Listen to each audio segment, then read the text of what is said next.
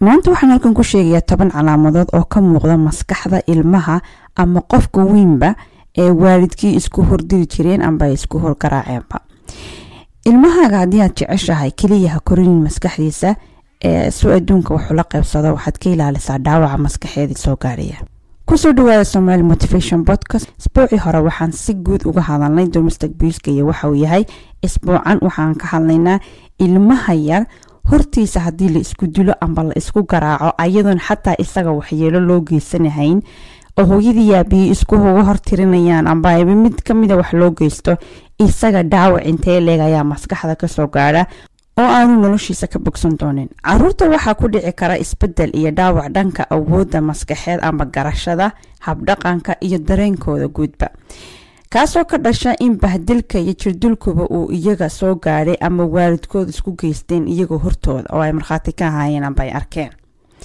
Ilmo kastoo arrintaasi si gaar ah ayay u taabataa macnaa carruurta way kala duwan yihiin. Ilmo kasta si gaaro isaga u gaara ayay u waxyeeleysaa siduu hadhow uga soo kabanaya markuu weynaadaana waa mid shaqsi ah laakiin hubaal ilmahaasi siday daraasaduhu muujinayaan noloshiisa dambe.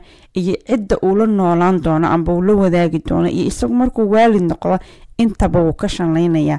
Dhibaatadii soo gaadhe waxay noqonaysaa mid daba socota oo raad weyn ku yeelata doorashooyinka iyo go'aamada nololeed ee uu sameyn doono markuu weynaado haddaba sida ku cad daraasado badan oo la sameeyeen hore u sheegnay tusaale ahaan mid la sameeyey laba kun iyo afartii oo ay sameeyeen macado badan oo isku tegay oo ah dhanka cilmi nafsiga iyo xanuunada maskaxda lagu barto ayaa waxay soo saareen toban calaamadood oo caruurtan ku dhaca amba ka muuqda amba laga arki karo iyagoo markay weynaadaan markay weynaadaan iyo haddaba waxaana soo qaadan doonaa tobanka calaamadood ee ka muuqda amba tobanka dhibaato ee maskaxa aheyd ee soo gaadha waqtiga ay dhalinyarada amba carruurta yihiin.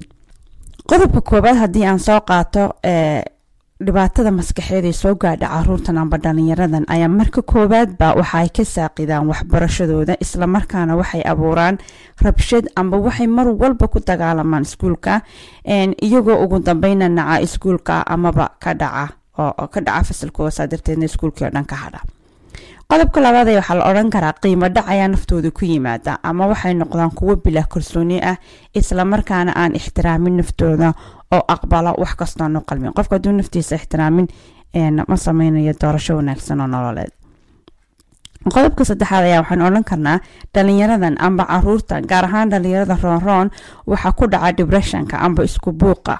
Islamarkaana waxay keentaa inay bilaabaan ay isticmaalaan maandooriyayaasha noocu doonaba ahaado tusaale ahaan khamriga iyo daroogooyinka kale qodobka afraad ayaa waxay odhan karnaa waxay ku noqdaan kuwo hurdada ay ku adag tahay. Hurdadu way ku adagto ilmihii ma seexani hurdadiina kama boganayo.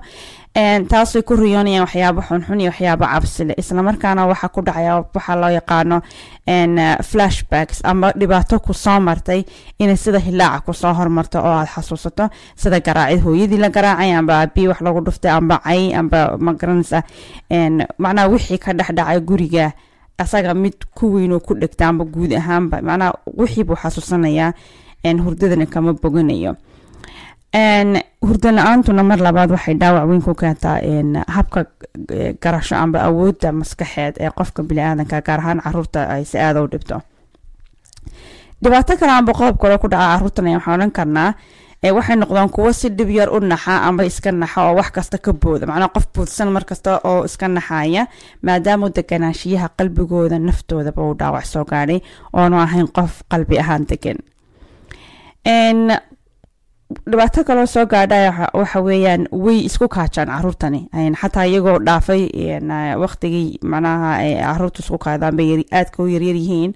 Oo toddoba jir sideed jir sagaal toban daaday doonaan bahaadaan ayagoo dhaafay ayay caruurtan isku kaajaan ama ay gogashooda qooyaan tusaale ahaan oo kale waxyaabaha lagu arki kara waxaa ka mid ah inuu jirhkuba xanuuno sida calool xanuun in ilmaha caloosha la casiro ama calooshu xanuunto in jirhkoo dhammi damqado xataa iyada oo aan waxba lagu dhufan ilmaha oo aan la xanuujin jirhkiisa qalbi xanuunka soo gaadhay dartiis ayuu jirhkiisa u danqanayaa sida qofku markuu boqonayo kale caloosha xanuunta iyadan cidna caloosha kaga dhufanin. Dhibaato kaloo soo gaadha ayaa waxa weeyaan ama calaamad kaloo lagu arko caruurtan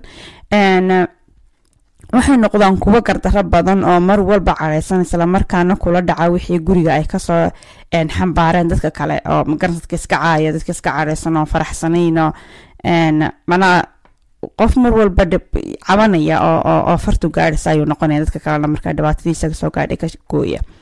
Dhibaatooyinka soo gaadha haddii aad baadho carruurta aad bay u fara badan yihiin laakiin tobankan calaamadood ayaa ah kuwa ugu horreeya ee ka soo ifbaxa ilmaha marka uu yaryahay marka uu weyn yahay u weynaadana raadkoogii lagu sii arko sida kalsooni darada in qofka maskaxdiisa ay hoos u dhacdo taasoo keensa inuu waxbarashadii ka dhaco inuu go'aamo khaldan gaadho in xidhiirka noloshu sida u eegto tusaale iyo muraayadii uu ka daawado hooyadii aabihii ay ahaayeen uu deetna isaguna abiuskii ku celiyo laga yaabo inuu saasoo kale u noolaado.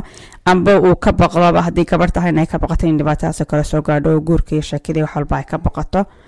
Oo xataa iyadan waxba lagu sameynin ay guurka iyo noloshaba ay ka baqato oo ay aato qof colojooga markasta xataa iyadoon dhibaato jirin. Sidoo kale caruurtu waxay dareentaa inay mas'uuliyad mas'uuliyad ka xumaashiya tusaale ahaan iyagu sabab u ahaayeen isdilka hooyadood iyo aabahood maadaama aanay fahmi karin waxa keenay sidoo kale waxay dareemaan cadho iyo baqasho iyo isku wareer iyo isku dhex daadasho. Aanay garan karin sababta waxaan keentay oo laga yaabo in iyagu isa saaraan o israhdaan adiga iyo hooyada isku dirayaanba adiga iyo hooyada aabaha isku dilayaan. Tobanka calaamadood intaas ayaan ku soo koobayaa. Waxaan ku dardaarayaa dhammaan waalidka soomaaliyeed ay dhegeysanaya maanta. Wax kastaaba ha dhacaana inaanay ilmahooda hortooda isku qabsan amba ku murmin gacan qaadna hadalkiisaba iyada daa oo diinteenana ma aha. Dhaqan wanaagsan oo suubanna ma aha. Ilmahaaga haddaad jeceshahay jidhkiisa keliyaata ha korinin. Waxaad ka horisaa maskaxdiisa kalsoonidiisa qofnimadiisa iyo shaqsiyadiisaba intaasaan ku soo kooya barnaamijkeenii isbuucan wayno iyo isbuuca dambe. Aad iyo aad ayaad u mahadsantihiin waqtigiinana waan idinka mahad celinaya waa anigoo cabdiraxmaan caydiid. Wayno iyo isbuuca dambe insha allah. Asalaamu calaykum waraxmatullaahi wabarakaatu